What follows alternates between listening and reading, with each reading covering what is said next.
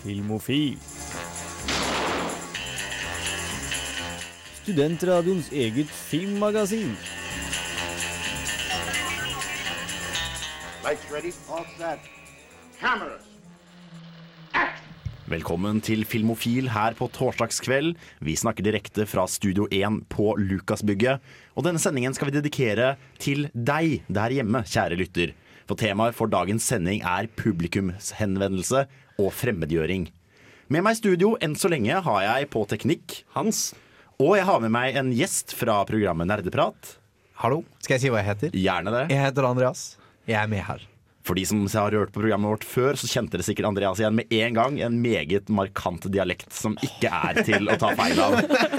Og selvfølgelig har jeg også med meg Trine. som skal komme med nyheter. Henrik, som er her hvert øyeblikk, skal anmelde Deadpool. Og vi skal snakke om eh, rett og slett publikumshenvendelse i film. Hva det innebærer, kommer vi tilbake til. Men aller først skal vi høre Electric Eye med Mercury Rise her på Filmofil. Håper du koser deg.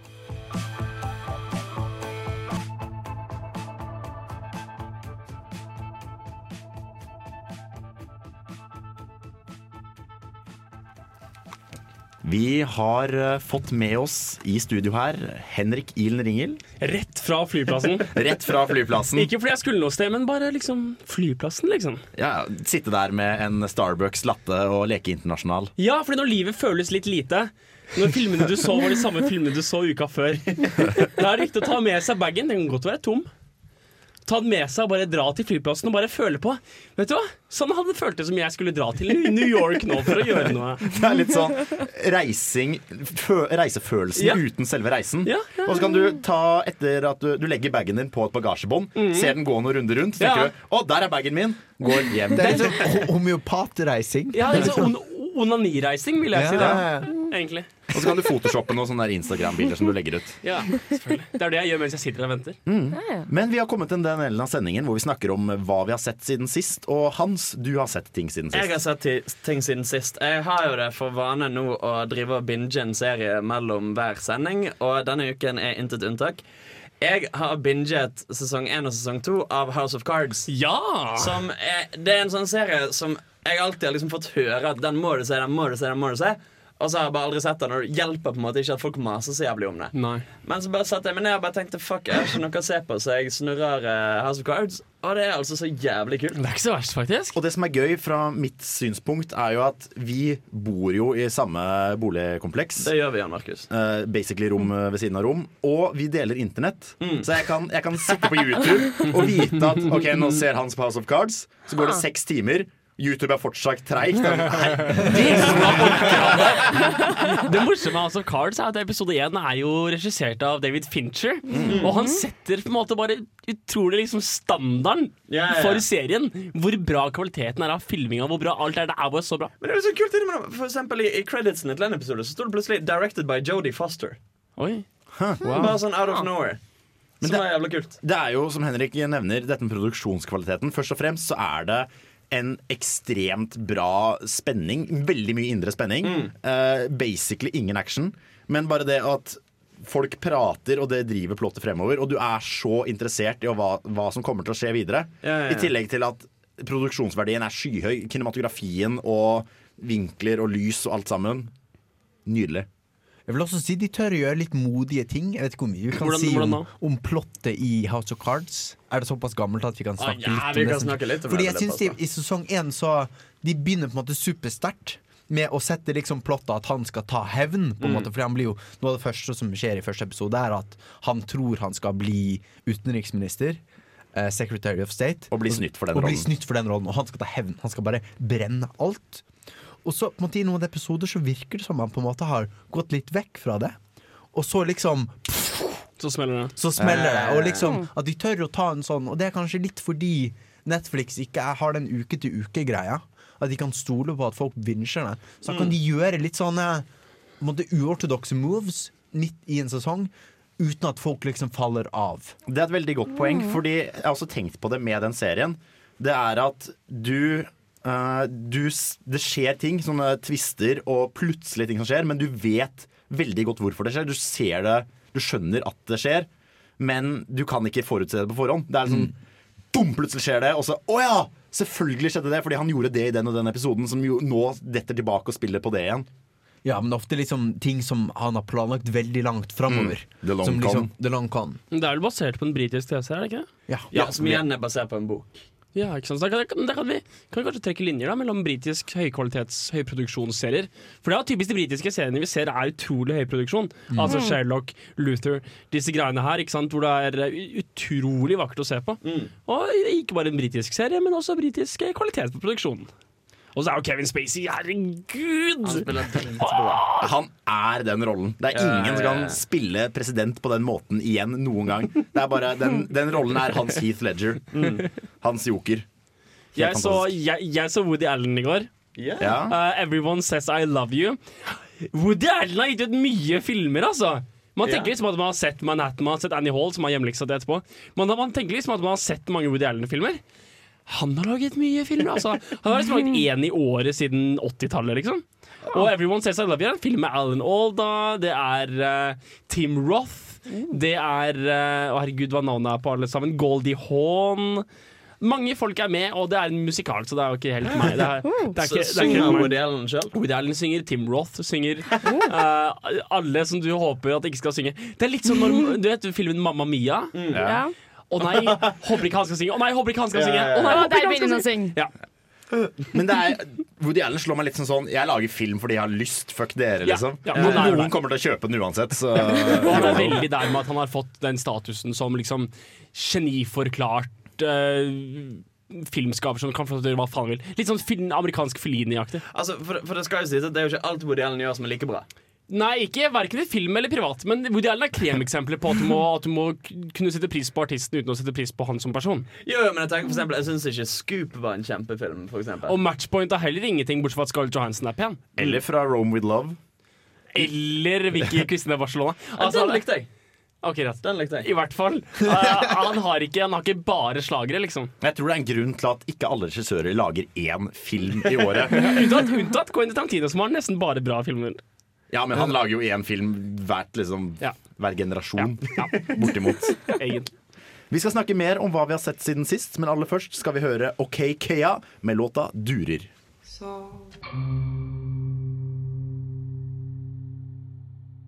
Som god vert her i Filmofil så skal vi la Andreas, vår gjest, få fortelle hva har du gjort siden sist. Har, altså, siden sist blir jo potensielt en veldig lang periode. Ja, jeg tror vel det Eh, kanskje var eh, kanskje i fjor vår en gang, Ja, altså- eller i høst. Så kanskje siden eh, forrige uke, kan vi si nå. Ja, i det Eh, siste. Og jeg så, jeg tror det bare tre dager siden, så så jeg endelig en sånn film som alle, som sikkert alle har sagt til deg, se, se House of Cards. Ja. Så alle har sagt til meg, se denne filmen. Jeg så endelig Mad Max Fury Road. Ja! Ja, for du har ikke sett den før? Nei, jeg har aldri sett den før. Jeg hadde et slags prosjekt om å se alle Mad Max-filmene først. Og så kom jeg halvveis ut i første Mad Max, som er litt sånn rar. Ja, for det hadde jo meg og Jan Markus og Bård Restad òg. Ja. Men vi gjennomførte det. Å ja. ja. Nei, for det var litt sånn Liksom, hva skal jeg se, hva skal jeg se? Så ble jeg sånn Orket ikke se noe ferdig, liksom. Så da så jeg bare halve Mad Max 1, og så gikk det en lang pause, og så bestemte jeg meg jeg må bare se den Mad Max Fury Road. Så jeg må bare spørre, levde den opp til hypen? Faktisk. Faktisk, Jeg ble liksom positivt overrasket, og jeg ble, litt, jeg ble virkelig med. Det er, en, det er en skikkelig bra film. Ja, men det er en film som lever opp til hypen fordi den setter standarden så weird fra starten av. Så jeg hørte at dette er en jævlig bra actionfilm, og det er mer enn bare actionfilm. Og det er som en kjempelang bilagscene som funker. Sitter jeg og ser på den, og så er jeg litt sånn Ok, dette var litt weird. Ja, okay, Jeg tror folk har likt den av en annen grunn enn jeg liker den. Okay, så man, Den filmen resetter deg litt når du begynner å se den, og så blir du trukket inn, og så bare er det dritbra, liksom. Mm, fordi den er så veldig annerledes enn andre actionfilmer vi har fått uh, i det siste. Og det, jeg føler Mange actionfilmer har liksom holdt det å være en actionfilm som et slags skjold mot bra scriptwriting. Liksom, vi kan liksom ha et sånt drittplott fordi det er en actionfilm, men bryr seg. Men den er beviset at du kan. Og det, det skader ikke å ha et bra plott i en actionfilm. Skulle, det hjelper med bra manus. Vil du ikke si at det er kanskje ikke manuset som er det viktige her, men rett og slett bare verdensbyggingen rundt. Ja. Fordi Ja. de snakker jo nesten ikke, de bare skyter, slår og kjører. Ja, det er sant. altså, den, den får til å si mye med få ord. Altså, Mad Max, altså tittelprotagonisten kan vel altså, det er, Kanskje Ja. ikke han som er hovedpersonen, men i hvert fall han som er oppkalt etter. Han snakker ikke så mye. Han har en slags monologting i bilen sin. Han grynter litt. Og etter, etter det så grynter han mest. Det er, en, det er en veldig kul rolle av eh, Tom Hardy, er det vel? Ja, og altså, Det har vært snakket om på Filmofil tidligere, men, men det at ehm, han, eh, George Miller har jo lagd bakhistorien til alt som fins i filmen. Altså Alle stedene, alle bilene, alle personene har en bakhistorie som vi ikke får høre. Og, og da får du en sånn følelse av at her ligger det noe. Det er en ekte Eh, verden, sant? liksom. Den det, det føles levende og organisk at uh, disse tingene fins her. Ja, og det er, det er ofte liksom en følelse av dybde i et univers kommer av. At du har en opplevelse av at her er det mer enn jeg får fortalt. Ja. Og det kan du enten oppnå med å skrive 'fuck me law', eller du kan oppnå det med å si lite.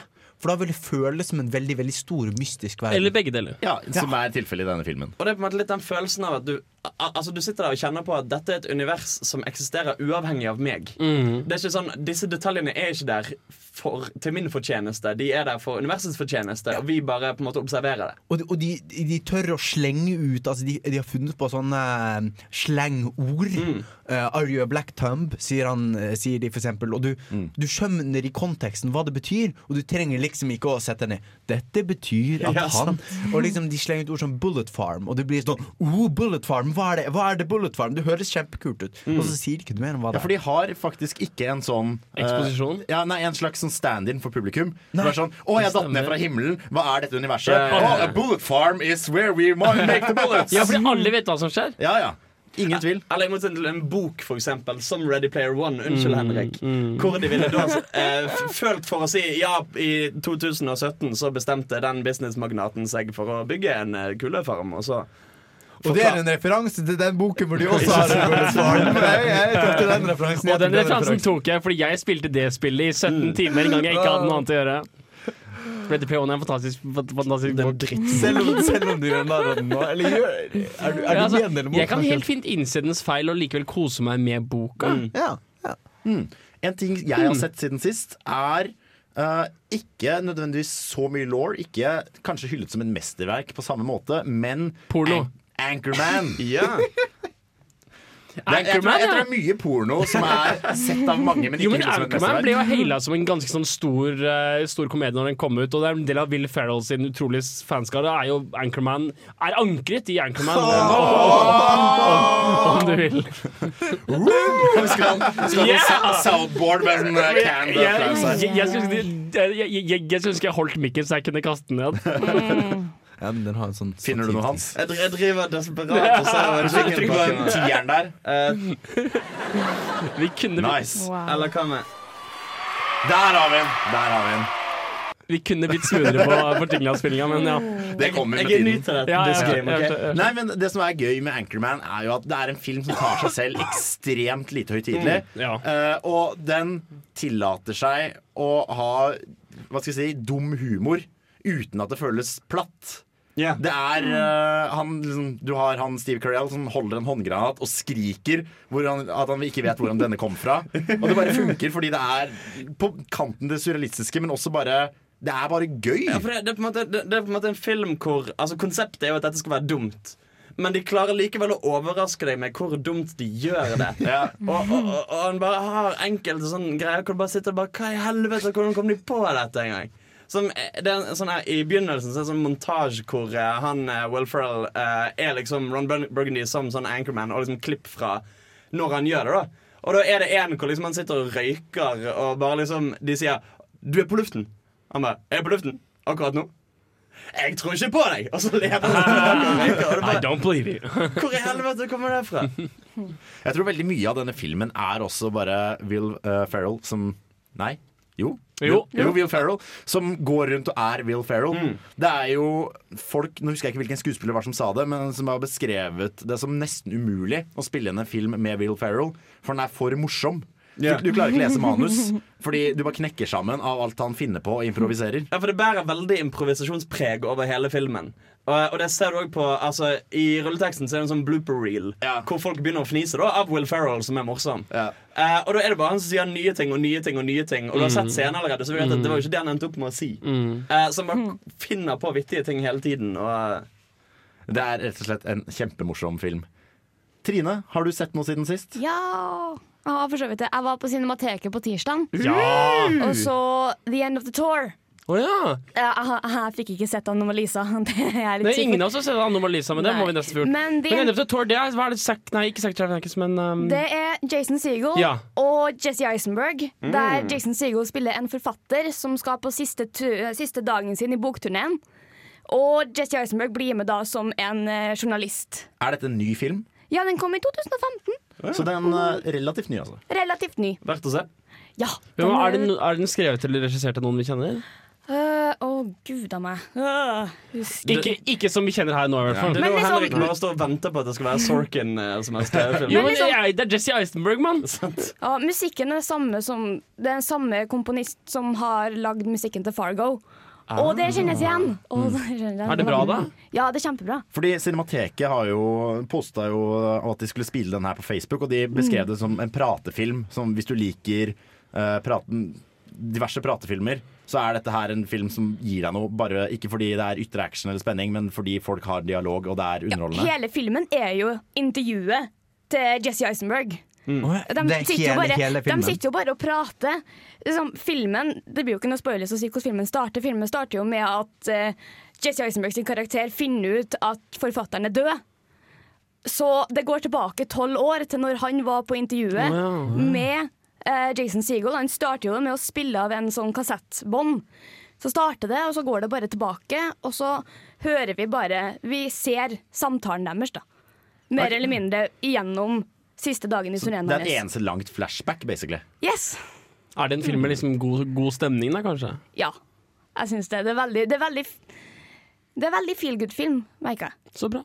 Kan man skaffe den, da, kanskje? Må kanskje gå på Cinemateket. Vet du, ja, nei. Få gå inn på, på Trondheim kino og Cinemateket og så dra fuckings innsjø på å se en film som ikke er blant de store filmene. Jeg tror ikke den Jeg tror det var siste dagen. på Eh, Gå og se, gå og se en anomalisme. Altså var det Ja. the end of uh, the tour for yeah. the end of oh! the Ja, Hans, Hans, Hans, Hans.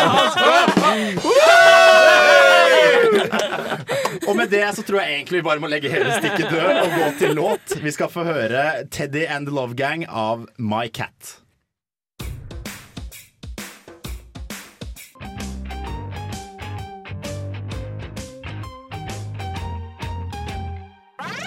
Filmofil gir deg nyhender fra filmen og fjernsynets spanende verden. Forhåpentligvis så har det skjedd ting siden sist. Vi har selvfølgelig vært opptatt med å se filmer og Netflix-serier vi har sett fra før. Men Trine, du har vært ute i felten og funnet nyheter til oss, har du ikke? Jo, ja. Det har jeg for så vidt. Uh, vi starter med um, New Girl skal jo få revival på Netflix. Ja! Uh, det har kommet inn en ny casting. Eller en gammel casting har kommet tilbake. En gammel castmember har kommet tilbake. Jared Padalecki skal være med. Hvem er Han spilte første kjæresten til Rory, tydeligvis. Som er Zoe Deschanel? Eller Rory, altså Gilmore Girls. Ja, Gilmore Girls. Du sa New Girl. Whoops. Ja, det var det! OK, så på, på Amazon Prime så kommer det en ny TV-serie som heter X-Files. Med der, der han er Hva den heter han er John Ham skal spille, ja, ja, skal spille ja. Starbuck. Greit, greit. Åh. Av og til, av og til er det lov å fucke dette er nesten som når jeg blandet Wahlberg og Zuckerberg. Ja, men. Gilmore Girls, da. På Netflix? Ja, på Netflix. god stemning. Dette er jo en, en serie jeg absolutt ikke har noen kjennskap til, men Ikke jeg har heller. hørt om den. 90's Kids Will Know This. Eller? Det har blitt en sånn kultserie. Det har blitt et fenomen. Ja, fordi det, det Kan jeg hijacke nyhetsstykket deres? Er det Ja, sånn dere gjør det her på Filmofil? Fordi jeg er veldig usikker på hva som er greia med Gilmore Girls. Er det noen her som vet hva greien er med Gilmore, Gilmore Girls Girls? var et par koselige jenter som snakket fort. Ja, fordi jeg liksom har sett For meg har det bare vært sånn eh, liksom sitcom som gikk Er det en sitcom? Jeg vet ikke om Ja, det er en sitcom. Eh, som gikk liksom på TV Norge, en eller annen shit-episode, så er liksom ti minutter av den Mm. fordi jeg liksom lå på sofaen og ikke gjorde noe annet. Det slår meg litt sånn, sånn etter VGS-TV. Som du kommer hjem, og så Ja. spiser du all maten til Ja. mamma fordi hun er ikke hjemme, og Absolutt. hvor faen er middagen min? Så du bare slenger deg foran, og så har du liksom den Simpsons, Futurama, uh, Family Guy, Gilmore Girls, og så kommer folk hjem, og da er det middag. Ja. Så det, men, så det var ingenting med den som liksom slo meg som noe ekstraordinært. Så Men da passer tydeligvis... det jo rett inn på Netflix. Ja, ja, ja, men det får nå det får en ny sesong nå, da, og det er sikkert mange som er glad for at Jared Padalecki kommer igjen. Ja, fordi de har en så interessant greie der de, de, de Sakte, men sikkert så lanserer de alle X-typene til Rory de har klart å få tak i. Hvorfor vet jeg ikke. Det er en veldig merkelig markedsføringskampanje. Det skal komme en film om Sonic the Hedgehog. Eller Yay. en Sonic the Hedgehog-film som skal være en live action CG hybrid. oh, gotta go fast, De har ikke, de har ikke flere merkevareuttrykk. Hva med en 3D CGI action live? Den, den skal tydeligvis komme i 2018, og jeg skjønner ikke Den, den kommer jo med den der Ratchet Clank og Sly Cooper-filmene Ok, men som kommer etter hvert. for å forsvare Det er jo et velkjent fenomen at stort sett alle filmer basert på spill er dritt. Med unntak av Resident Evil. Fordi hun driver opp rundt i regnet og er, skyter. hun er flink. Massive fordeler og sånn. Ja. Uh, hele den pønnerekka der. Nei, altså Resident Evil-filmene lykkes jo til dels fordi de har valgt å ignorere litt Resident Evil-spillene. Ja, ja, det er sånn, Resident Evil-spill det er sånne som har zombier. Ok, da lager vi Ja. noen filmer som også har Helt noen sånne zombier. Jeg tror det har fungert også dårlig å lage en film basert på sånn eh, inventory management. Hvor de sitter, sitter i en time og flytter rundt på urter for å kunne bære nagle. Jeg fant en, eh, et eple, men ryggsekken min er full! Eller Borderlands, hvor du bruker 90 av tida på å spille på å sammenligne umulig å sammenligne våpen. Men jeg, jeg lurer på en ting. Eh, vet vi noe om rundt hvem skal være med, hvem skal regissere, hvem skal skrive sånne ting? For det kan jo gjøre utslag. Um, Er det, er det, er det hans sine yndlingsfolk, Teller and Teller? For de kunne gjort det bra, og det er ikke det de heter. Er det Penn and Teller? Lord and Miller. Du er morsom. eh, Det er veldig morsom. Mm, nei, det står liksom ikke Jeg tror det, er, det slår meg egentlig som at Sonic har egentlig ikke laget noe bra siden det kom på Sega? Kom på Sega. Uh, uh, nei, Sega er produksjonsselskapet. På NES er det vel? Nei. Nei, nei, nei, nei, nei, Sega. Dreamcast, din Ah, Ja. sykt født i nei, 94. Fy faen. Ja, for Sega var stort en gang i tiden. Eller Ja, det ja. er fortsatt ganske stort, men det er stort på sånne arkademaskiner og sånn. Uh, Channing Tatum Ja! og Eh, Channing Tatum og Josen Gordon-Levitt skal lage en R-rated musical. Yes. Oi, så gøy! Det Wow. er jo helt fantastisk. Så Gordon Levitt Gordon Levitt jr. synger, og uh, andre danser. Men altså, altså Hvorfor er det. Ja. right, er, det, er, det, er, det, er det banning, er det knulling, er det dreping? Hva er det som liksom Det står det liksom ikke noe mye om. Nei, men vet du hva, Da fortsetter vi med synsinga vår. Vi har synset Ja. veldig, Ja, det, veldig, veldig, veldig ja, men det, er veldig, det er veldig synsenyheter i dag, Ja, dessverre. det er greit, det er greit. Men altså, det fungerer jo. For eksempel Sweeney Todd er jo en kjempemusikal som er ganske dyster og voldelig. Um, Phantom of the Opera er ikke så trivelig. Kanskje ikke så mye vold og groteske ting. Det er ikke så veldig mange det- trivelige musikaler, stort sett. Det er Sound of Music, men det er omtrent. Hallo! Uh, Ja, Les Miserables er så koselig. Hairspray. Uh, fuckings uh, West Side Story. Masse koselige musicals. Så kan vi håpe på en slags krysning mellom Sweeney Todd og Magic Mike. Som liksom blir kan jeg ikke forestille meg. Morderstrippere. Det er en, en gjeng omreisende morderstrippere. I Sånn, de har sånn gammel hestekjerre med sånn sigøynerpynt på utsiden. De kommer inn, forfører eh, selvfølgelig menn. da. kvinner. De, Nei, nei, nei, de og- forfører gifte menn som, i, som er latent homofile. De har, liksom, de har bare ikke innsett det selv ennå. Og så, så tar de med inn i vogna, og så dreper de dem. Og dette er plottet. Og det er alltid sånn øyeblikk hvor de klarer å overbevise disse mennene om å komme ut av skapet. Og for disse mennene så er jo dette et stort katartisk øyeblikk. Færre de sitter skjult på dette Ja, det stemmer det. hele Ja, de begynner å gråte gråte De begynner å gråte. og Takk, takk for at Og du veiledet meg gjennom denne prosessen. Og akkurat da Og da setter de inn drapsstedet. Nei, nei, jeg har det! Jeg har det. Ok, De får menn ut av skapet. Og så liksom, Men hvordan, hvordan, skal vi, hvordan skal vi Vi har jo familie og sånne ting. Slapp av. Vi dreper kona di for deg. Så kan de starte et nytt liv med ny mann og greier. Det skal jo komme en ny Star Trek-serie nå. Oh, ja. Dem på CBS. De har nå funnet seg en showrunner. Det er da Brian Fuller, som har lagd Hannibal, Dead Like Me og Pushing Daisies. Men var ikke han også med i Deep Space eh, Nine? Altså den uh, spin-off Star Trek-serien, mener jeg. Ja vel. Jo, ja, For- ja, ja. Fordi det var jo liksom den eh, type Den mørke Star Trek-serien, da. Han, har- han, har laget Star, han har vært writer for Star Trek, Deep Space Nine og Voyager. Ja. Så det, det, Så han har Star kan bli noe. Trek-bakgrunn nå. Det er jo, Aller først så høres det fremst ut som sånn cash grab, men hvis det er fyren som har laget bra serier før, så er det mulig at det, det kan gå. Men, men skal dette basere seg på den kanonen som er lagd av filmene nå, eller skal det være frittstående fra Jeg lurer på om det skal være i JJ sitt eh, Star Trek-univers. Ja, nettopp, ja. For det har jo eh, begynt å halte litt, eh, egentlig, helt fra begynnelsen. Men, Vi har, men det er liksom vi har ikke tid til det, men jeg er keen på å spørre. Å ja, hvordan, hvordan da? Men vi har ikke, vi har, vi har, vi har ikke tid på det. men Vi, vi får ta det etterpå. Få ta det i en låt som vi faktisk skal gå til akkurat nå. Vi skal få mer synsing, Uh, mer nyheter. Mer litt sånn uh, hva vi føler ting burde være. Men aller først skal vi få høre Voris av Mats Vava. Du hører på Filmofil på Radio Revolt.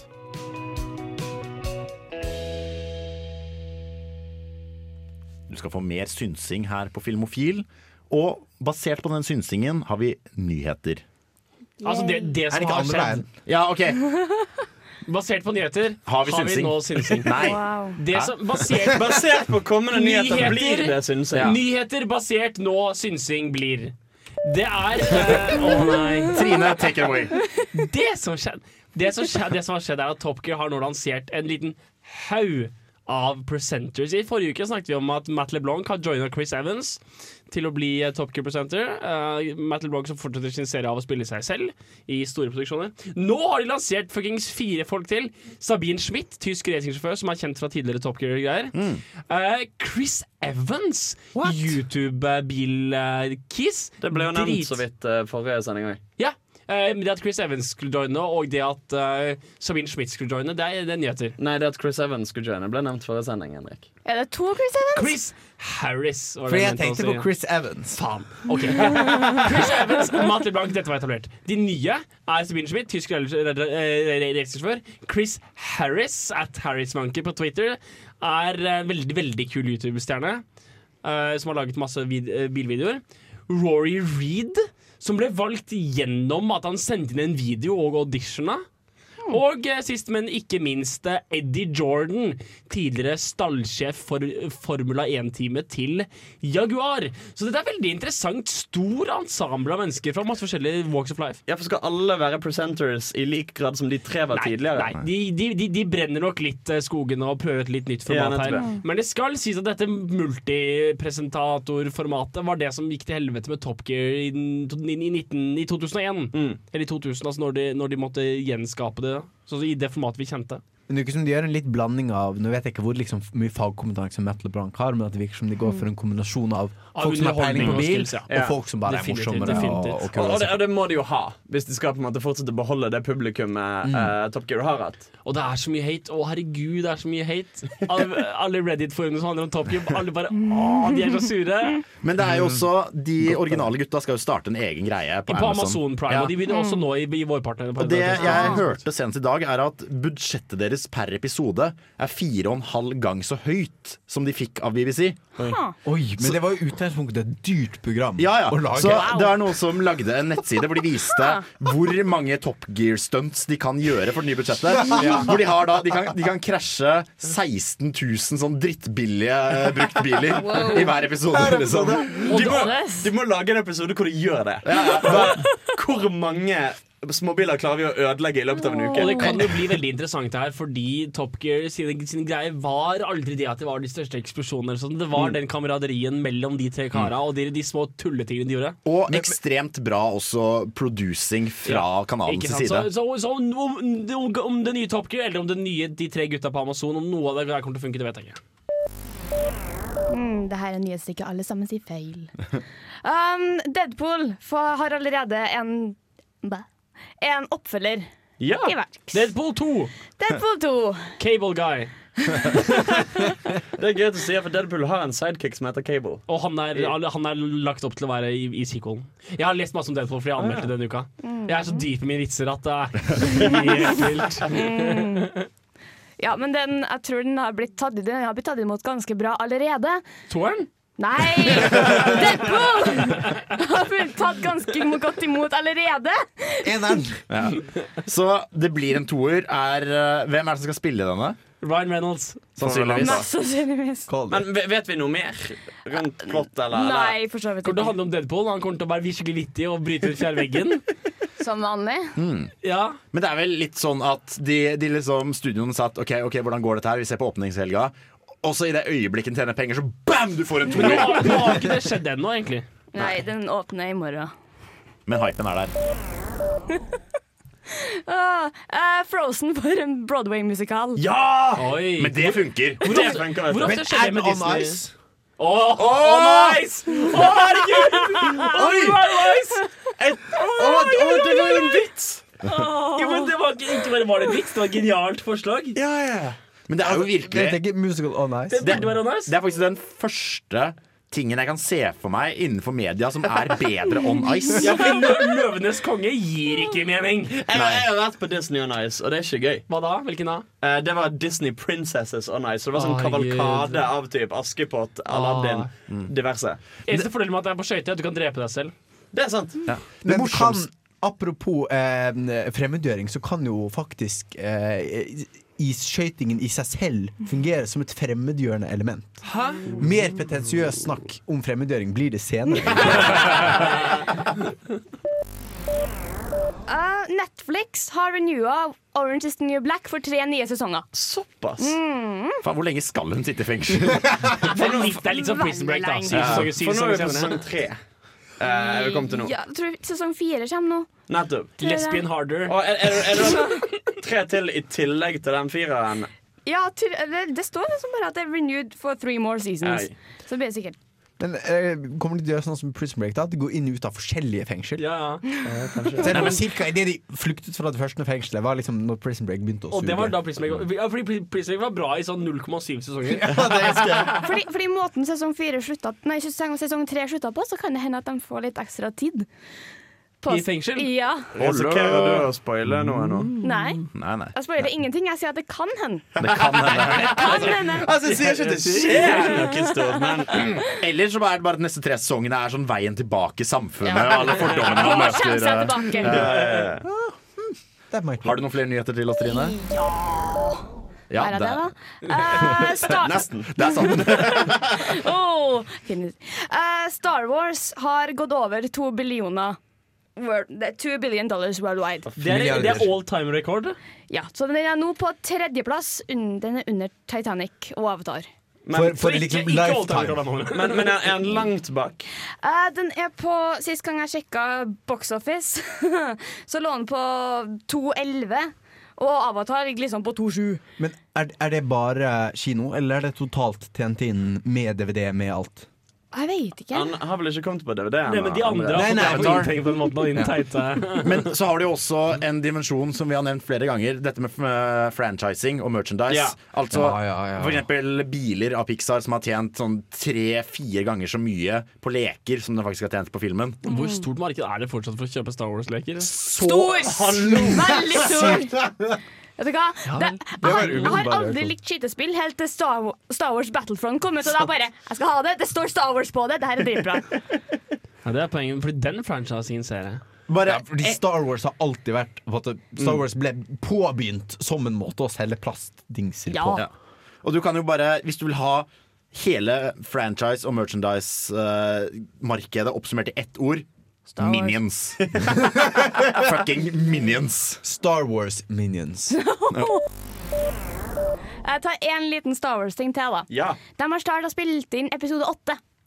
Nå. Ja, for nå skal de komme på løpende bånd omtrent. ja og, og, og Rogue One er ferdig innspilt, jeg skjønner. Jo, den Oi. kommer jo ut i desember nå, og Star Wars episode 8 ble jo flytta til 15. desember. Men, men tar Post så lang tid? Altså, det har postet et helt år? Det er jo litt, Det er jo det er mye litt spesialeffekter og sånn i de filmene. Ja. Ja, det er litt For jeg tror ikke den, den er lightsaber-greia Nei, ikke, altså, alt det der er ikke ekte. Nei. Jeg, jeg, jeg, jeg tror noe av det Fordi er I virkeligheten kan de der X-vingene bare sveve noen meter over. Ja, og på det der hvor de blir truffet med lightsabers, det Ja. må du gjøre med spesialeffekter. Ja, for de er, de er veldig farlige, de lightsabers. Glovarme. Nå tar det jo tid, tar det jo tid å bygge de dødsstjernene. de- Og så sprengte de jo den første. Jeg mener, Det har sykt dårlig produksjonsverdi. Du, du skal fullføre dette. her. Fun fact. Eh, skulle egentlig ikke sprenges i episode fire. Det? Eh, det var et uhell. Den skulle egentlig være en prop senere, men så eksploderte Ah, den. Og så gjorde de brukte de shotsene ja. og spilte rundt det. Det slo så godt an hos liksom, testpublikummet at de valgte, valgte beholde Ja, det. ja, ja. Og så, og så ble produksjonen rushet, så de ble ikke ferdig med den siste dødsstjernen. de. Og apropos ting som ble ødelagt uh, på settet, skal jeg avslutte med en uh, siste liten nyhet. Han uh, Kurt Russell eh, spilte Du vet den scenen i Hateful Eight hvor hun spiller gitar? Ja. Det spoiler ingenting. Nei. Den gitaren er fra 1870. Virkelig? Og, eller var fra 1870. Helt til Kurt Russell Nei. Misforsto og trodde at hun spilte på en prop, og knuste den over en bjelke. Nei, nei, og fordi det gjør nei. han jo i filmen. Han smadrer en museumsgjenstand på film. Å, fy faen. Og det er sikkert det trekket de bruker også. Ja, ja, garantert. Altså, når du har én gitar fra 1800-tallet De hadde så sier du den sendte vi en gang til! Det er sikkert masse andre propper som han egentlig skulle knuse. Så det er et eller annet museum i Minneapolis som er så drittfly forbanna. Det er det dere får for å låne skitt til en Tarantino-film. da Men se for deg hvis de får så mange flere besøkende hvis de stiller ut den knuste Tarantino-gitaren. Gjør du egentlig det? Jeg tror det er flere som kommer for å se den knuste Tarantino-gitaren enn som kommer for å se en eller annen random gitar fra 1870. Fuck liksom, kultur og historie. Vi trenger popfiction. Nå skal vi få Runny Runimals med Filco Fiction.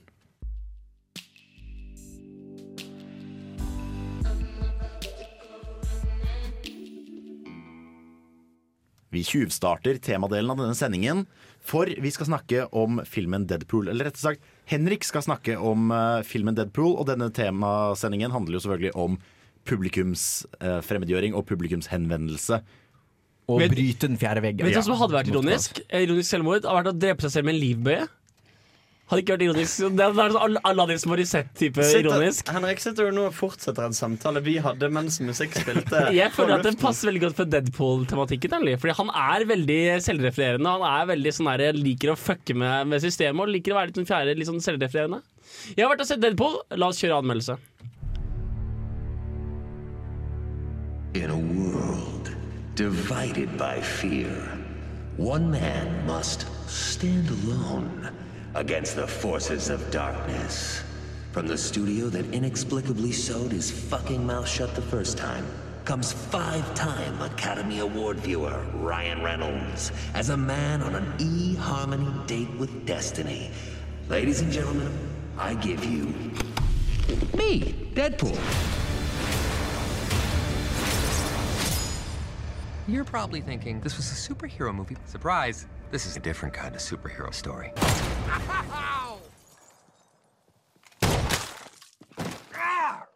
right up Main Street.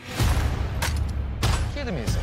Yeah, I wanna shoot, baby. Helt siden en teaser lekket for halvannet år siden, har jeg gledet meg fryktelig til Deadpool, den nye actionfilmen fra Marvel-universet. Hvis vi ser bort fra Green Lantern, så er jo Ryan Reynolds som født til å spille den rollen. Men i havet av superheltfilmer som har kommet de siste årene, blir jo da spørsmålet hva skiller Deadpool fra resten? He's funny. He's acerbic. He knows he's in a comic book movie. It's super meta. Um, it's super weird at times. It's hyper violent. Uh, pretty sexual. You know, a lot of swear words. We don't sort of play by the typical rules of a superhero movie. Ok, så den er grovere, råere, heftigere, og har en X-faktor av at Deadpool bryter den fjerde veggen. Den er som et barberblad med 19 blader som stønner når du bruker den. Det interessante her er at rollen er konstruert slik at Deadpool kan si omtrent hva han vil av corny og teit humor uten å ødelegge. Det funker. Alt funker. Det er ikke nødvendigvis ha-ha-morsomt, men som en karakter som responderer på alt med humor, virker det autentisk. Ryan Reynolds er perfekt i denne rollen. Wait! You may be wondering why the red suit. Well, that's so bad guys can't see me bleed. This guy's got the right idea. He wore the brown pants. Morena Baccarin matcher Wade Wilson i leken galskap, og deres forhold er virkelig hjørnesteinen i filmen. Det som kanskje skurrer litt, er at det blir litt for straight. Deadpool er drevet av sin kjærlighet for Vanessa, og vi forstår hvorfor han gjør sine valg. Dette er ikke sånn jeg kjenner Deadpool. Hvis vi ser bort ifra helt i begynnelsen, så er tegneseriefiguren stort sett splitter pinegal. Han gjør hva som helst, når som helst, bare for shits and giggles. Han har ingenting å tape, og er dermed totalt uberegnelig. Dette er det som gjør han gøy som karakter og til den perfekte bikarakter, men han blir kanskje for uberegnelig som hovedkarakter? Ved å tone ned galskapen og gjøre ham sårbar, gjør filmen han til en vi kan investere i som publikum, men tar samtidig vekk mye av det som gjør karakteren gøy for meg. Well, the movie's tricky because you can't. You have a character who breaks the fourth wall, who addresses the audience, who knows he's in a comic book movie. So you can't make the movie just all that. It has to be anchored in something, and we have to sort of see this guy's pain and his journey. So um, a lot of that was designed to really just have the audience invest in the character. And by doing that, it gave us license to go as extreme as we wanted with the other stuff. Og det får de til. Det er ekstremt til å være en Marvel-film. Både godt språk og tidvis blodig action. Kvaliteten på kampscenene er litt varierende, men det funker. Det beste med filmen er nok humoren og bikarakterene. Både Ed Skrein som slemmingen, TJ Miller som kompisen og Leslie Ogams som den blinde naboen gjør dette til god bruk av tid. Det er til og med gøy å se Brianna Hildebrand balansere mellom en satirisk og alvorlig Negasonic Teenage Warhead. Thank you. En overraskende ting er hvordan brytingen av den fjerde veggen ikke overbrukes. Man rekker faktisk ikke å bli lei av noen av Deadpools fakter, hvilket kan komme av at filmen egentlig bruker mest tid på Wade Wilson og Vanessa. Det er vel greit, det, men da blir heller ikke filmen så uvanlig og sjangersprengende som man kanskje skulle håpet. Men hvis du er ute etter en god actionkomedie med gode skuespillere, fet action, god rytme og litt barnslig humor, da er dette bra greier. Ikke kjempebra, men bra nok. Den absolutt beste Deadpool-opplevelsen får man nok av å se trailerne.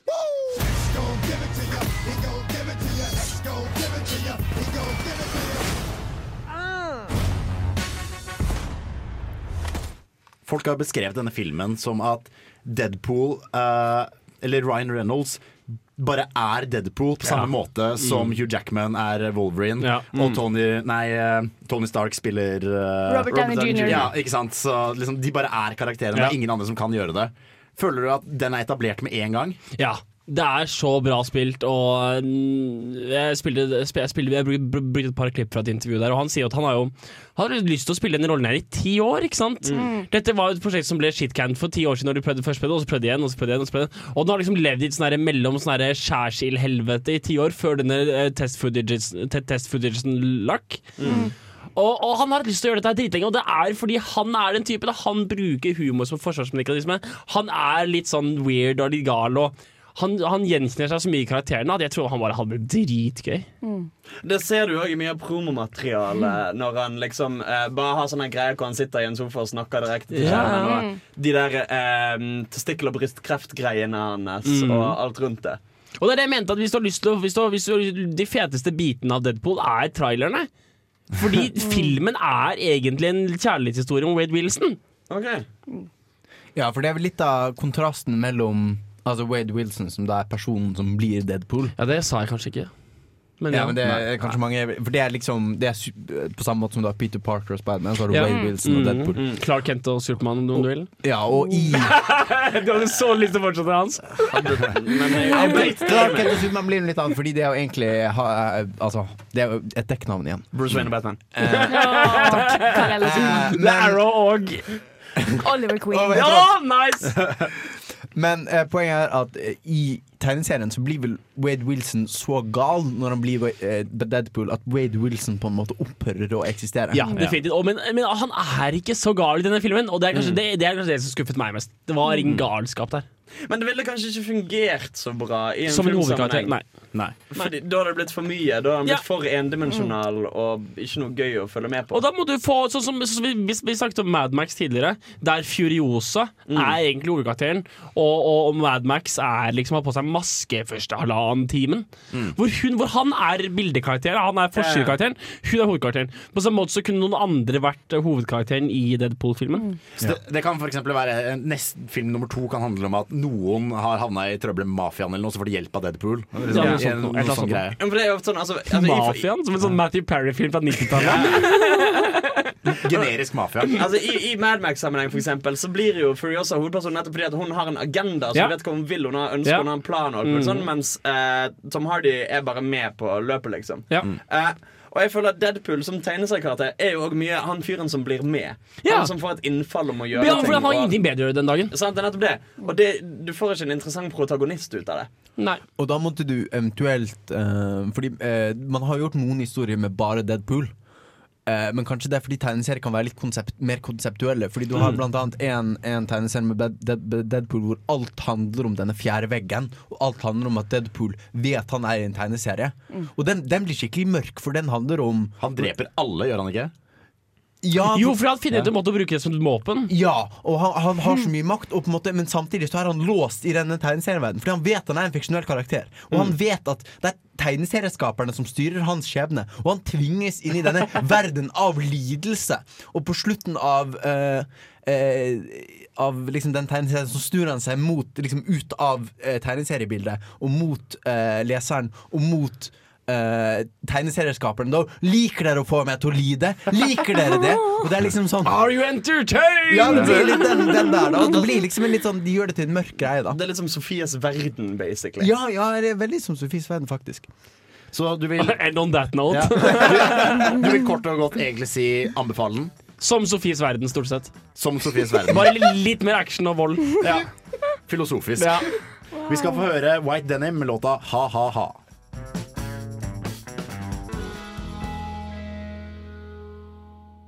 Vi begynte jo like før og rundt anmeldelsen av Deadpool å snakke om publikumsfremmedgjøring og henvendelse og den fjerde veggen. Og hva er egentlig dette her, Hans? Altså, det, Dette er jo på en måte dramatiske konsepter som kommer fra teater på liksom rundt midten av 1900-tallet. Eh, med da særlig Bertolt Brecht, som begynte å snakke om dette med Eller han hadde en visjon om at du skulle ikke, du skulle ikke leve deg for mye inn i det som foregikk på scenen. Altså, det skulle ikke oppfattes som virkelighet eh, i den grad. Så derfor jobbet han mye med å henvende seg til publikum på forskjellige måter, annet gjennom å bryte den fjerde veggen, som det heter. Uh, at de tiltaler publikum direkte. Det kunne være at skuespillere uh, spiller flere roller samtidig. Um, eller det kunne være at, at, at, for eksempel, at for eksempel alle forklarer handlingene sine mens de gjør dem. Mener du 19, 19. århundre? Eller 1900-tallet? Hva sa jeg? 1900-tallet, for det er typen type 1950. Ja. Eller mente du 1850? Jeg mente 1950. Å, det er så moderne? Det er så- Altså, ja, jeg ja. trodde teater holdt på med det her i Shakespeare sin tid. jeg. Nei, nei, nei, det, altså, dette er episk teateret som kom som en reaksjon på eh, altså, eh, dramatikken under Ibsen, for eksempel. Så dette er liksom en Jøss. etter Ibsen. Så dette er reaksjonen Altså, på det, det, er Ibsen. jo- det er jo klart at altså, Det å for eksempel henvende seg til publikum er jo ikke et nytt konsept. Altså, I, i antikkens Hellas var det jo ingenting annet enn det. Nei, ikke sant? Um, og, og altså, altså, Du har jo mange eksempler på det at i Shakespeare sine stykker for eksempel, så har du sånne monologer hvor de står og prater direkte til publikum. Og litt sånn Ja, ja, nå har dette skjedd. Ja. Lurer på hva som skjer videre. Men det er jo også litt for å gjøre, gjøre det tilgjengelig for Ja. liksom drita folk som står og Ja, så hoier og det er jo kaster litt, av- ting. litt av motsatte hensikten, at det skulle bringe folk inn. Mens her er det meningen å faktisk dytte folk litt vekk. Wow. Altså, fordi Dere har jo bedt meg å nerde, om om å nerde på dette, så jeg har sittet mye på Wikipedia og lest ting. og sånn Eh, Så jeg leste litt om Bresch, da for han var eh, marxist, og han brukte teater veldig politisk. Så dette handlet om å få ut et budskap, og da var fremmedgjøringen et, eh, en hensikt i seg selv. For da mente han at folk var mer i stand til å analysere det som skjedde på scenen, og på en måte gjøre opp sin egen mening. Istedenfor å bare bli liksom revet med, så skulle de analysere det som skjedde på scenen. Han skrev også librettoen til en opera. Eh, eller det var først en bok, og så ble lagd en opera av Alman Berg på 60-tallet, som heter Votsek. Eh, som rett og slett handler om en fyr som jobber i et sånn industrikompleks og blir utført eh, medisinske eksperimenter på, samtidig som han lider av ganske tunge eh, psykiske lidelser. Eh, og basically det er bare tristesse. Alt går til helvete. Og det som er kult med denne operaen, er at musikken òg spiller på fremmedgjøringen. For den er framført gjennom det som heter sprechtgesang. Um, som altså betyr talesynging, hvor melodien skal prøve å etterligne talemelodien i overdrevet form istedenfor å være fine melodier. Så, og, og det høres helt forbanna speisa ut. Det er liksom Det er sånn her.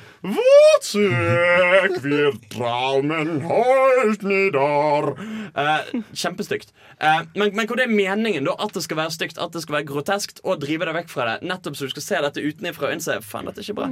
Fordi eh, Bertolt Brechts budskap for dette var å se at dette er en konstruksjon på samme måte som vårt samfunn er en konstruksjon.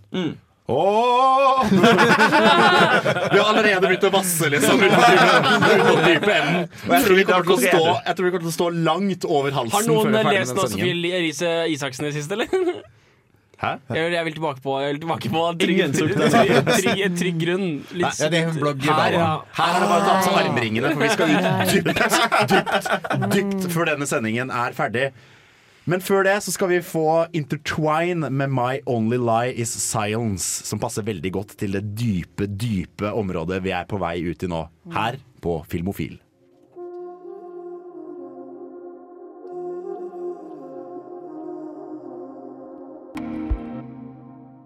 Vi kan jo starte etter låtpratet her med en liten faktaopplysning. Vi har snakket mye om det å bryte den fjerde veggen, men uh, Hva er det egentlig å bryte den fjerde Hva er det egentlig å bryte den fjerde veggen? Radioteknisk sterkt, sterkt her, gutter. Ja, det er jo at du har Hvis du tenker deg at du er et rom, så har du jo og ser fremover, så har du høyre, venstre og bak deg. Den fjerde veggen refererer da det til du som skuespiller har Du later som at du sprenger veggen foran deg og ser da rett på publikum. Eh, og du henvender deg direkte til publikum. Og på samme måte som i film, hvor du da ser tilsvarende, er at du snakker direkte til publikum. At ha-ha, det var gøy når vi gjorde det her i dette som er en film, er det ikke, gutta?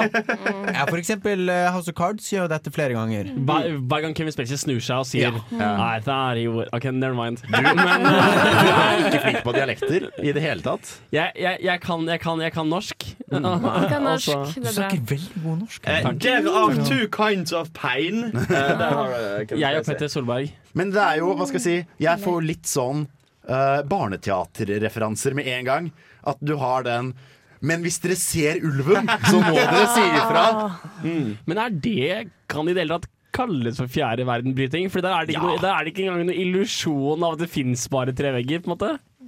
Men det, det er jo altså, det er jo det det gjort med litt forskjellige Altså, Det ene er jo på en måte for at noen skal, som vi snakket om i forrige, eh, forrige før låten, at den igjen er liksom for at noen skal klare å henge med i det hele tatt. Ja. Noe annet er på en måte når du gjør det for å skape en Som en distanse. effekt. Ja. Og vi kan kanskje ta dette litt over inn på filmens verden. Uh, det er liksom The Big Short, som jeg var så. Yeah. De bruker jo den brytinga av fjerne veggen for å få deg til å forstå hva de snakker om. ja, for det er en slags fortellerstemmegreie. Ja, det er gjerne Ryan Gosling, men også veldig mange av de andre mm, eh. Ja, det, Minions. The Big Short var det filmen om finanskrisen. Ja. Steve Crell, Ryan Gosling Ja, men det, er liksom de de, de eh, mindreverdige karakterene. Jeg Ja. klarer ikke å finne det ordet. Bitchassene. Bikarakterene. De snudde seg gjerne og snakka til kamera og prøvde å forklare oss hva som skjedde. Samme med at Margot Robbie kom inn i et badekar, men det Så, så det fjerde fjerde veggen kan bry- bryting kan fungere som eh, informerende, som barneteater og The Big Short. Men- det kan også fungere som humor, i tilfelle Deadpool. Og det kan også fungere som å fremmedgjøre Uh, den som ser på. Er det, er det Stemmer det? Ja, det er altså. Men, men, men jeg føler òg det kan brukes som et slags virkemiddel innad i filmen for å på en måte understreke litt av poenget. Altså, du har for eksempel eh, The Wolf of Wall Street. Eh, hvor det er jo et, uh, et sted hvor Leonardo DiCaprio snur til kamera og sier Hvis du ikke skjønner alt det vi snakker om nå, det går fint. Du trenger ikke forstå det. Bare vit at vi tjener shitloads med penger, og det er kjempeulovlig. Og da understreker jo det litt sånn at Al altså Hele poenget med filmen Det er at disse menneskene gjør ting som er galt. De vet det er galt, og de antar at de ikke kommer til å straffes for det. Og har i grunnen i stor grad rett i det. Ja, så det at han på en måte harselerer som et publikum, er bare et eksempel på hvordan han er harselerende Og, og mye av poenget med den filmen er jo nettopp det at vi sitter og fordømmer det de holder på med, som feil og, og han ber deg om å dumt dra til helvete med det er det, og, og han er så jævla klar over at du som publikummer ville gitt en arm for å være i hans posisjon. Så da er, da er det litt sånn Det at han snakker til oss, bare understreker hvor jævla obs filmen er på at du som sitter og ser her, er en del av opplevelsen, og det handler like mye om den som ser på, som filmen i seg sjøl. Hvor de da også avslutter filmen veldig passende med at han holder kurs for den gemene hop, som Ja, vil ja, lære ja. å bli som han. Ikke Så sant? det er litt sånn du holder opp et speil, og publikum, dette er dere! Men du, men du har også eksempler færre eksempler i, fra filmen enn i teatret. Fordi det har på en måte vært en, en Hva skal jeg si, nesten en slags konflikt da mellom liksom å leve seg inn i rollen. At man skal Mm. prøve å, å viske ut at du ser på en film så mye som mulig. Og det er jo Immersion. immersion. Og det er jo litt det som er vunnet i, i filmen, blant annet med method acting. Sant? At, at skuespilleren skal leve seg inn i rollen så mye som overhodet mulig. Ja, du ser ikke Daniel Day-Lewis se inn, inn i kameraet og blunke sånn. så- så- så- så- konspiratorisk sånn, vi vet hva dette er. Men du har eh, som eksempel Dogville fra Lars von Trier. Jeg har ikke sett den, så jeg kan ikke liksom eh, men, men der er altså Filmens virkelighet og det du ser på kamera, er to helt forskjellige ting. Det er en fortelling om en ung eh, kvinne som kommer til en eh, by, men byen er bare et, en svart flate, og så alle veggene tegnet med kritt på bakken. Så Åh. vi som, vi som eh, seere av denne filmen kan se alt som skjer hele tiden. Men det kan ikke de? Det kan ikke de. De later som, og de later også som de holder, ser en blomst, og så snakker de 'oh, dette var en fin blomst'. Men så er det ikke en blomst der. Wow. At de liksom, det er liksom så Lavbudsjett. Ja, det Det er litt sånn en blanding av litt sånn dogmefilm, men det er også sånn at det er bare så ettertrykkelig tydelig at dette er en konstruksjon, dette er en film, dette er tull. Eller ikke tull, men det er på en måte vi prøver, ikke, vi prøver ikke litt å late som dette er på ordentlig engang. Det er på en måte Yes. Det er kritt på bakken. Og det er også sånn gjør man også litt sånn Tarantino-aktige grep at man sier kapittel én. I Ja, ja, ja. kapittel én så skjer dette. Kapittel ni. Ja, I er denne sant. scenen så dør altså, Og det gjør også Tarantino litt, så han er jo kanskje den mest kjente som leker litt med, med den fjerde veggen. Ja, Jeg har et spørsmål. Hvordan fungerer fjerdeveggenbryting som fremmedgjøring?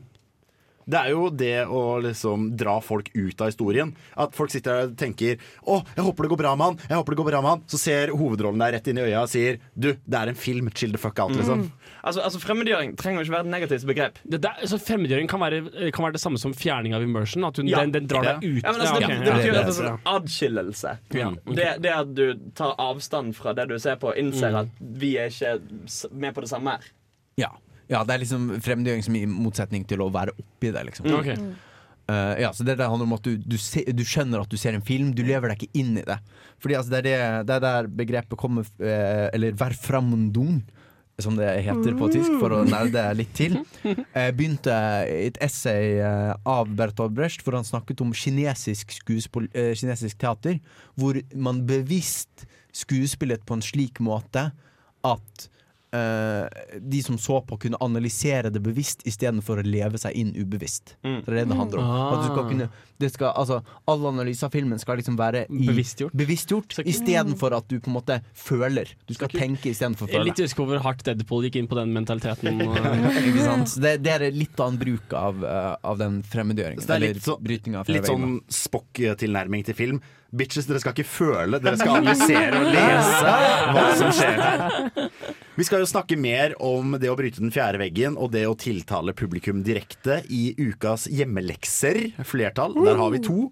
Hva det er, skal dere få høre etter Susanne Sundfør med 'Delirious'.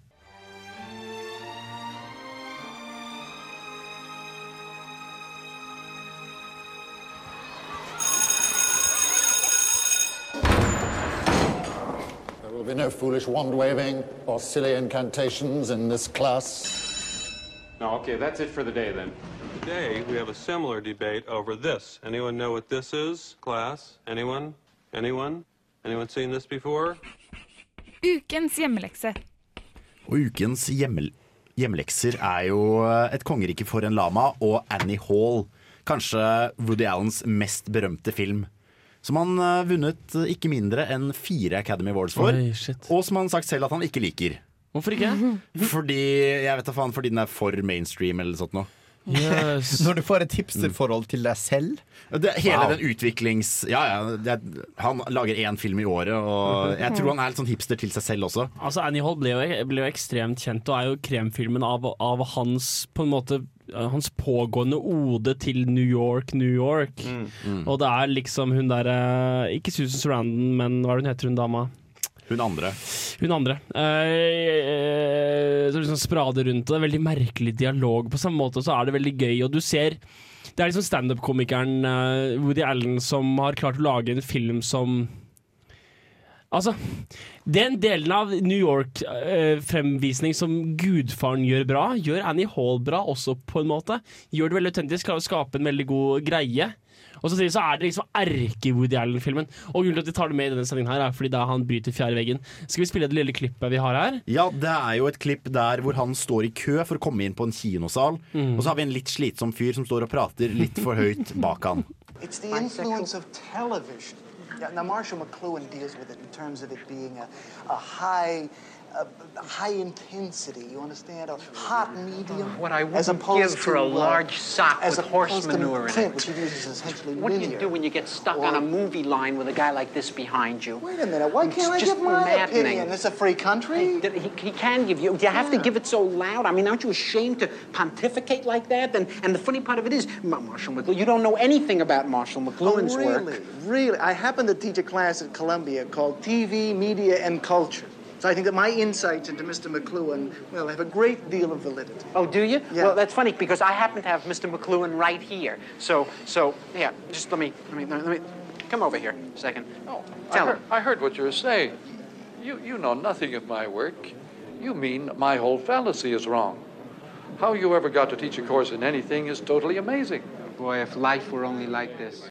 Og i den grad Woody Allen er utrolig morsom, som jeg synes, så er det noe med det at han er uh, overraskende. Og i denne scenen skjer det to ting overraskende etter andre. Det første er at han hender seg til publikum for første gang siden introen av filmen. For det andre er at han plutselig bare trekker denne kisen ut av, ut av vingen. Og, og, så det- her brukes da fjærveggebryting bare som et sånn her- som sjokkverdi. Sånn, oi, shit. Det er jo interessant i den scenen hvordan han fyren han snakker om, får med seg at han bryter den er, det er, diegetisk fjærveggebryting. Ikke sant? Jeg bare Blub, blub. Hvis du bare hadde fått lampshading inn i den, den settingen nå Fordi det er jo litt det samme i Et kongerike for en lama. For jeg så ikke Annie Hall, jeg så Kongerike for en lama to ganger. ja, for at der så er jo han keiser han Kusko kommer jo plutselig Han snakker jo til seg sjøl i starten av filmen. Han trekker ned et lerret og bare 'Historien handler om meg, ikke han der'. Fokuser på meg igjen. Jeg, jeg, jeg, jeg ligger der. Og så stopper han også filmen, og du ser liksom sånn, sånn uh, film, sånn VHS-skurring, liksom. Men, Og så er det, tegner han med tusj og Hvordan kunne jeg komme først hit hvis vi ser Ja. kartet? Jeg løp denne veien. Og... Ja, og sånn, Ifølge kartet er det umulig. Og jeg, altså der, der føler jeg fjærveggen brukes Altså brytes litt på samme måte som i uh, om Hvilken film var det du snakket om Leonardo DiCaprio i sted? Uh, Wolf Wall Street. Wall, Wall Street For å på en måte understreke karakterbyggingen. Mm. Fordi det liksom viser Kusko så tydelig når han liksom Ja, må han, ikke, han må til og med styre filmen. Ja, han ja. Han gjør jo litt det samme i oppfølgeren nå, da. Det er i filmen til Kronk. Bare sånn uh, Kronks New Group. Ja, bare sånn Jeg kommer litt inn, men jeg drar igjen. Ja, ja, Og så kommer jeg litt inn igjen, og så bare sånn Unnskyld, det er ikke min film. Det er hans film. Jeg kan også slenge inn en liten fun fact om den filmen. Eh, Det er veldig mange som tror at stemmen til Kusko er Åsleik Engmark. Nei. Det er, han, det er det ikke. Åsleik Engmark har derimot uh, Jeg har snakket, gikk på skole med, med barna hans, og de sa at ho, yndlingsrollen hans, som han spilte, er trampolineselgeren. I uh, Ja! Kongeriket for landet. så herlig! Så det er liksom den bitte, bitte lille rollen han, uh, han digga å Det spille. er, Jon Øigarden er jo fantastisk som Kusko. Mm. Er det Jon Øigarden, ja? Men da kommer det jo her frem at det finnes da den, også den måten å bruke, bruke fjærveggebryting på, nemlig at det bare det viser, det gjør det enda tydeligere, enda, enda tydelig, tydelig kontrast til, til karakterutviklingen. Da. Mm. Men er det fremmedgjøring? Ja, fordi det tar deg ut Det tar deg- litt, og får deg til å bevisst evaluere hans Ja, du får deg til å bevisst analysere hans eh, karakterutvikling. Ja. Eller da måtte han kanskje ha sagt at se da, nå tar jeg kontroll over filmen for å vise at jeg har Ja, ok, da hadde litt meta-meta. Men det, det tar deg jo fortsatt litt ut at det er noen som kommer og kødder med Ja, det filmen. det, ja. det, er Mm. bare sånn, Plutselig bare stopper det, eller bare sånn Ja, en ape og en bille, kjempeinteressant, kan vi gå tilbake til meg nå? Mm, mm, mm, Jeg har sett filmen litt for mange ganger.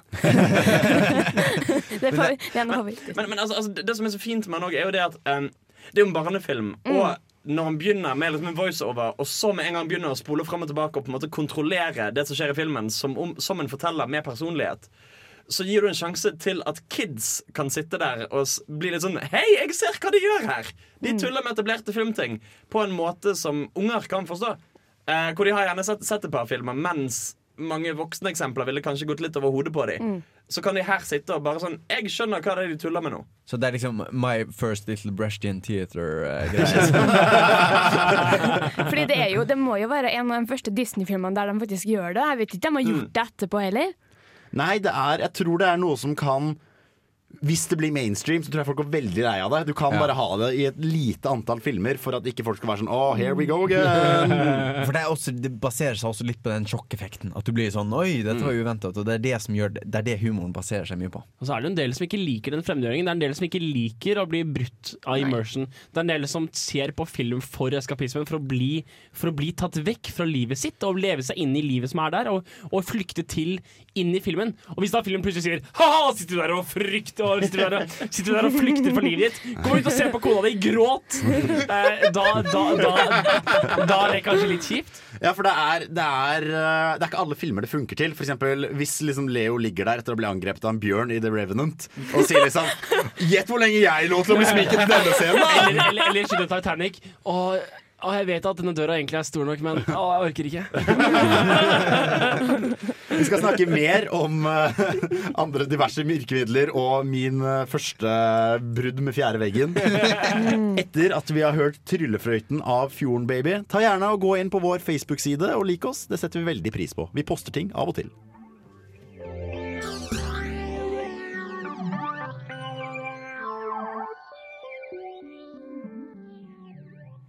En annen form for hva skal vi kalle det, publikumsfrieri som vi ikke har uh, snakket så mye om, er jo en slags fortellerstemme. Mm. Enten da subjektiv, som en av rollene i filmen, eller som en omnipotent sånn gudestemme som forteller deg 'dette kommer til å skje, dette har skjedd', og Mm. har en slags allmektig synsvinkel i det hele. Ja, fordi begge, begge grepene er jo en måte å få deg til å være bevisst på at du ser en film. Men jeg synes spesielt den subjektive fortelleren, altså da en, på en måte en forteller som du ikke helt kan stole på, syns jeg er et interessant grep. For da blir du på en måte tvunget til å analysere filmen. Sånn som i Memento, for eksempel. Memento, for eksempel. Mm. For da du kan liksom ikke bare ta Du kan ikke leve deg inn i det som skjer øye til øyeblikk, fordi du må alltid sitte og jobbe. Mm. Sant? Mm. Og liksom prøve å plassere ting. Hva er det som skjer nå? Når de sier det, hva er det, hva er det i kontekst til? Og, sånn som det. og da, da kommer du igjen på den, det analytiske planet istedenfor den innlevelsen måte, i filmens virkelighet. Og alle filmer der du på en måte blir fremstilt en subjektive inntrykket av hovedkarakteren, der du ikke vet er dette hallusinasjon, skjedde Mm. det der faktisk, skjedde det der. Når uh, en annen Wolf of Wall Street, eksempel, når han, når han tar de der uh, Quaaludes. Quaaludsene fra 19, dritgamle Quaaludes, så kjører han Lamborghini hjem og kommer seg hjem i helt stykke, og bilen er urørt, og kommer seg hjem og liksom sånn. Og så våkner han neste morgen, og så fant vi ut at realiteten han, krasjet, han krasjet i absolutt alt! Han krasjet i alt!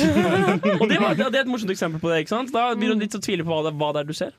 Altså, jeg begynner Jeg blir ofte irritert av voiceovers, fordi jeg syns det altfor ofte virker som en litt sånn lettvint måte å f.eks. Eh, adaptere en bok til film. Eh, hvor de da sliter med å finne ut hvordan de skal overføre alt det som overføres fra fortellerstemmen Ja. i boken, Mm. til rent visuelle eller replikkutvekslinger. Ja, for du kan si Den lazieste måten å adoptere en, en bok på hadde jo vært liksom en rullende tekst som bare er hele boken. Done! Harry er en liten gutt som Det er, det er jo så mange sånne filmer som åpner med voiceover for å Mm. forklare ting. Altså. og, og, det, og det har blitt klisjé av en grunn. Ja. Du ser The Princess Bride, du ser, uh, du ser The Shawshank Redemption. Disse filmene her bruker voiceovers veldig effektivt til å etablere at dette er en historie. Ja, ja. Og, og du får utrolig immersion på tross av at det egentlig er en fremmedgjøring. Og Princess Bride funker jo kjempefint Ja. på den måten. Særlig når eh, Det er ikke så mye av det i filmen, men i boken så er det mye det at han bestefaren som leser, rett og slett skipper deler av boken Mm. og liksom frem og tilbake. Og kommenterer fortløpende på det som skjer. Uh, og, så, så det blir en sånn metaanalyse inni verket i Ja, seg sjøl. I den filmen så er, handler jo Det er jo et eventyr som en bestefar leser. Mm. Så da får du en sånn, et, et ekstra lag oppå der som du Mm. kan leve deg inn i. Det er basically en litt tidlig Inception. Men, men, men en, en, ting, en film som jeg syns er interessant i så måte, er jo American Beauty. Hvor det åpner med voiceoveren til eh, Kevin Spacey. Eh, og han forteller at 'jeg er død'. Eller 'jeg kommer til å dø eh, i morgen', eller hva det er han sier. Ja. Mm. Og det er da, fordi ofte, ofte så er det jo sånn at en I hvert fall jeg sitter og tenker at Jo, jo, men hvis denne karakteren skulle dø i den filmen, så hadde vi jo ikke hørt voiceoveren Mm, hennes. mm. uh, for det er jo tradisjonelt, tradisjonelt noe en ville sagt etterpå, siden det var sånn 'Jeg gikk nedover gaten'. Mm. Ok, Da må han tydeligvis si dette seinere, og dermed kan han ikke dø når han går nedover gaten. Mm. Mens Kevin Spacey sin åpner med 'Jeg dør i morgen'. Og det fanger interessen litt av døde. Ja, sant? For da blir det sånn Oi. Men OK. hva- eh, hva er det egentlig som skjer nå? Veldig god dramatisering av 'det fanger interessen'. Og det, det er egentlig et interessant blikk på spoilers. Fordi, yeah. fordi folk er jo kjemperedde for spoilers. Mm. Men faktisk eh, empirisk forskning som er blitt gjort på det, viser at folk som er blitt spoila, de liker bedre det de ser. Hæ? Og jeg vet ikke om det er gjelder ikke i alle der tilfeller. bullshit. Men, men det er, eh, de, altså, de, liksom, de tok en gruppe og viste dem en film uten at de hadde fortalt noe om filmen. Og en annen gruppe så sa de liksom han, han fyren der, han dør, forresten. Uh, og det, jeg tror kanskje litt av det handler om at du sitter der og tenker sånn Oi, hvordan skjer det? Hva skjer nå? Mm. Hvem er, er, det et, er, Mm. er det et frampek? Og det betyr det at det kan være en, også en morsom måte å se en film på. Da. Ja, for jeg kan gjerne bli spoila slutten på en serie.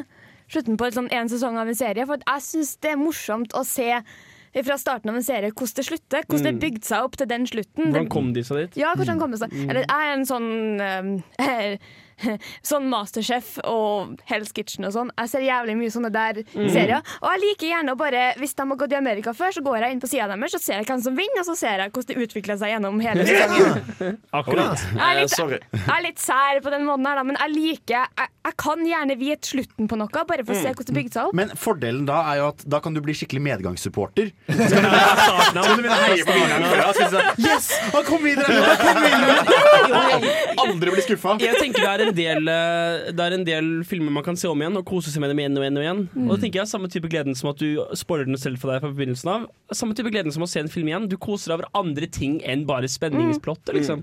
Og på samme måte så kan da American Beauty ta deg vekk fra å begynne å lure på Å, kommer han til å dø eller ikke, til å begynne å sette pris på andre ting. Ja, mm. Så den fremmedgjør deg, bare for å prøve å holde en rød tråd her. Eh, fra spenningsplottet og får deg bevisst til å omfokusere på noe annet. Og det, det, dette har jo lang tradisjon òg i drama. Altså det at um, for, for mange hundre år siden så var det jo helt vanlig at en kunne hele historien på forhånd. Eh, det er for eksempel, Særlig i en opera. Eh, så er det meningen, altså I heftet så står hele plottet. Eh, og så skal jeg lese gjennom dette det som foregår Men dette er en historie du allerede skal ha hørt flere skal ganger. så viser vi, seg, vi viser deg dramatiseringen. Ja, ikke sant? Altså, det finnes jo for eksempel hundrevis av operaer basert på Dido Aneidas. uh, for eksempel, eller If you say so. Orfeo og Eurodice Ja, den, ja. Hold kjeft. Jeg likte toeren bedre. Ja. Så det gamle, gamle, greske, gamle greske historier som har blitt dramatisert igjen og igjen og igjen. Og det er ikke meningen at du, du skal liksom What? Blir Euridice bitt av en slange? Ja, ikke sant? Du tuller! Her skal Dido ta livet av seg? Den så jeg ikke komme. Spoiler warning, Jeg hadde tenkt å se den der.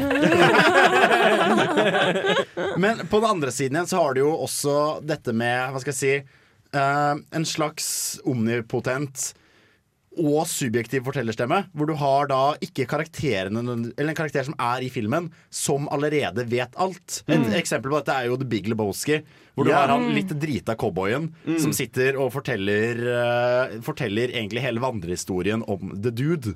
Mm. Eh, og da er jo Han er en karakter i filmen, men han vet også alt som skjer, fordi det er han som sitter og forteller historien. Det er også sammen med Ryan Gosling sin karakter i, i The Big Short. Han vet alt som har skjedd. Han forklarer alt som har skjedd. Er det, er det en retrospektiv fortelling? Liksom? Er det en fortelling hvor Ryan Gosling forteller etterpå til noen hva som skjedde? Liksom? Nei, han gjør jo ikke det heller, vet du. Den, bare, okay. den starter når de finner ut av liksom de finner ut av nå kommer det til å skje et krakk, og så forklarer han bare gjennom hele filmen. Du ser aldri at han forklarer det til noen.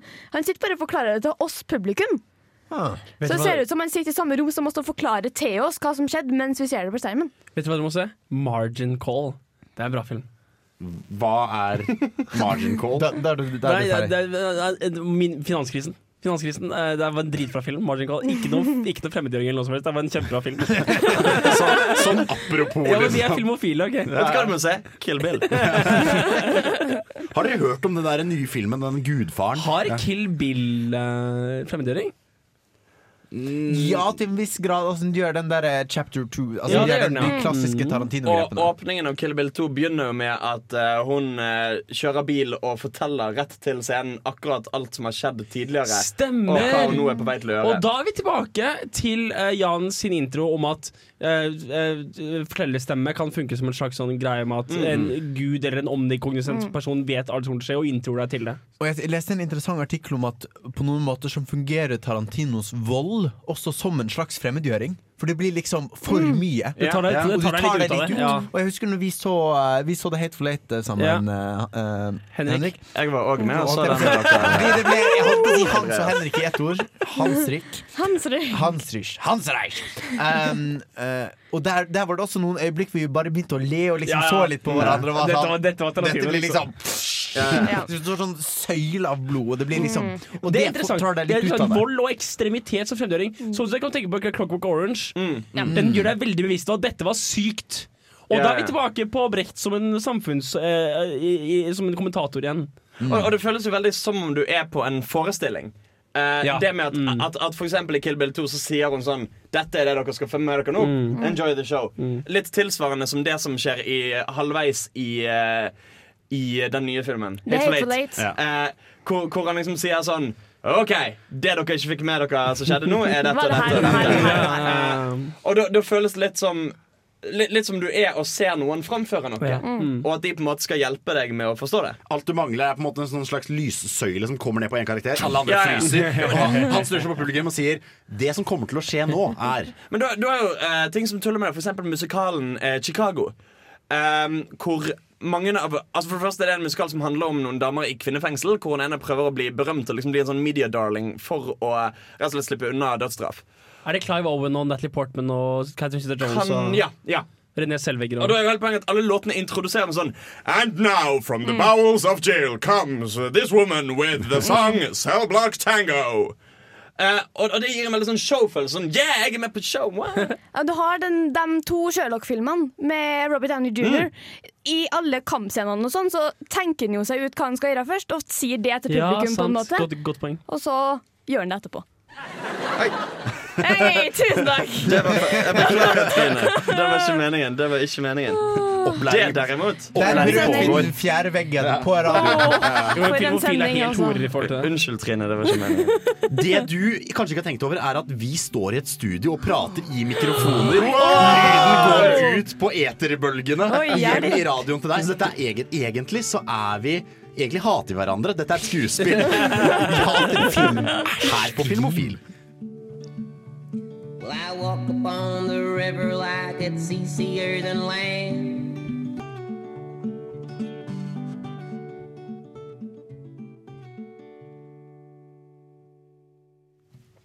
Vi har dessverre kommet til siste lille pratestikk i denne sendingen. For vi er uh, bortimot tomme for tid. Vi har bare en uh, seks minutter igjen.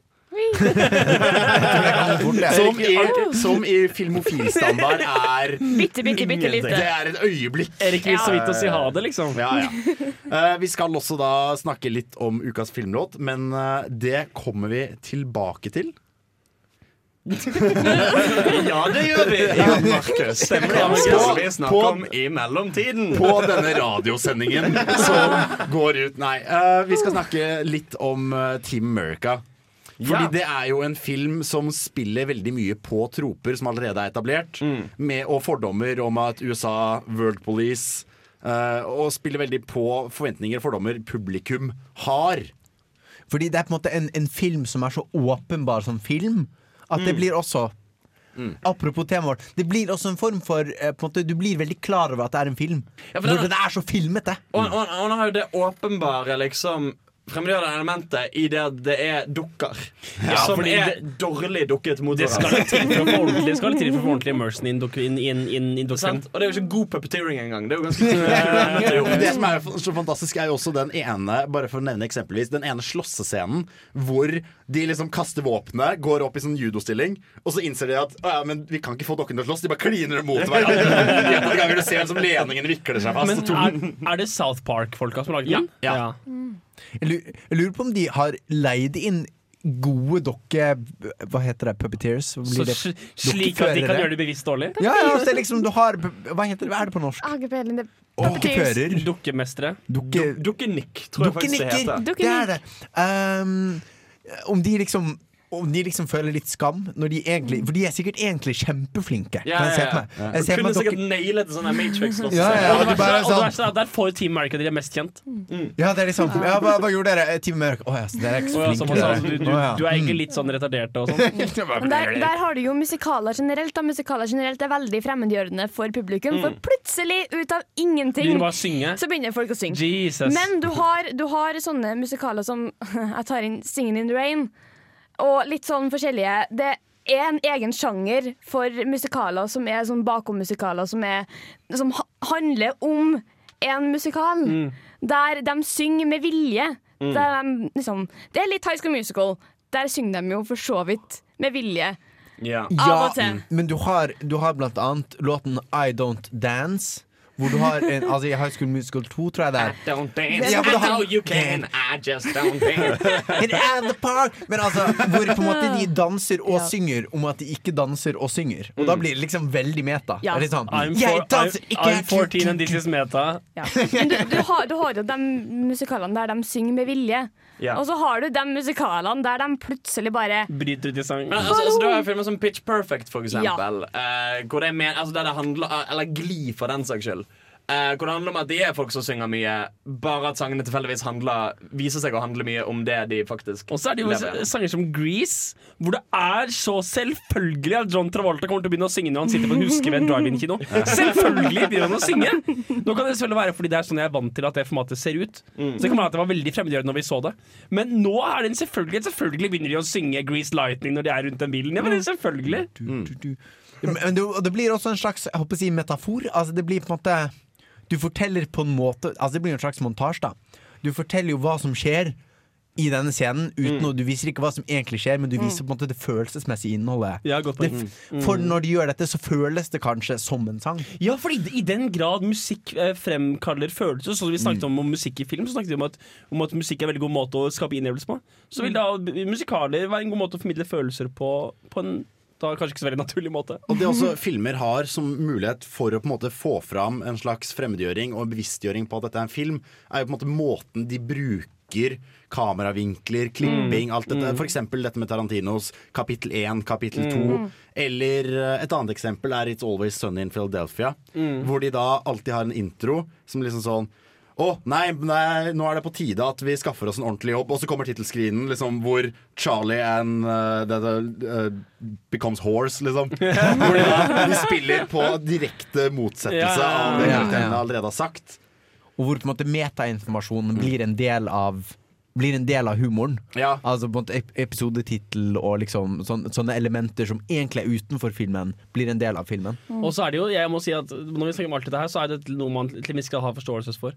Og når jeg ser eksempel Birdman, når de går langs gata, og så plutselig er trommisen som spiller filmmusikken, Ja. sitter i gata, da er det sånn det tuller litt med hodet mitt. For jeg forstår ikke, Er dette fjærveggenbrykking eller ikke? Og, er det, og, da, og da, da, da metanivået igjen. Da bruker du fremmedgjøringen som et verktøy for å liksom fucke med hodet. Så du, du, alt den gjør, er å bare skaffe deg litt ut av balanse. Så du ser kanskje på filmen med litt mer åpne øyne. Men altså, Birdman er jo et eksempel på en film som er så mye film at du blir for obs på at det er en film. Ja, ja, fy faen. Med Du en one take-greie. Ja, ja, ja. At det øyeblikket når kameraet stopper i gangen og lar personer som snakker, gå vekk, og så står bare kameraet litt der, og vi hører personer forlate området, og så snur kameraet seg til høyre rundt ned en ny gang, og så bare, ah, der kommer det en ny storyline gå, gå, gående. Vi må begynne å tenke litt på hva vi skal gjøre neste sending. Og neste sending, Hans, hvilken film skal du gå og se? Da skal jeg se Zoolander 2. Zoolander. Og i den anledning så har vi bestemt oss for å gå for en slags eh, humor Nei, komedie, provisorisk uh, Tema. tema. Med Hva var det vi kalte det? Ensemblekomedie. Ensemblekomedie. Sånn som, sånn som Anchorman nevnt tidligere. Ja, hvor du da har masse kjendiser som plutselig bare kommer sammen og lager en film. Kommer til å få masse eksempler på det, f.eks. This Is The End og mye andre sånne hobbyprosjekter. Så skal vi gå til Adam Sandler, da, eller? Å nei, gud forby. Altså, Vi må nok innom. Hjemmeleksa, hjemmeleksa må nesten være Zoolander 1, da. Ja. Vi har vært Hans. Henrik. Andreas. Trine. Jan Markus. Og nå skal du få høre låta vi har snakket om eh, i nå snart seks minutter. Det er da montage av Team America, hvor de refererer til dette at skal du bli god, så trenger du en montage.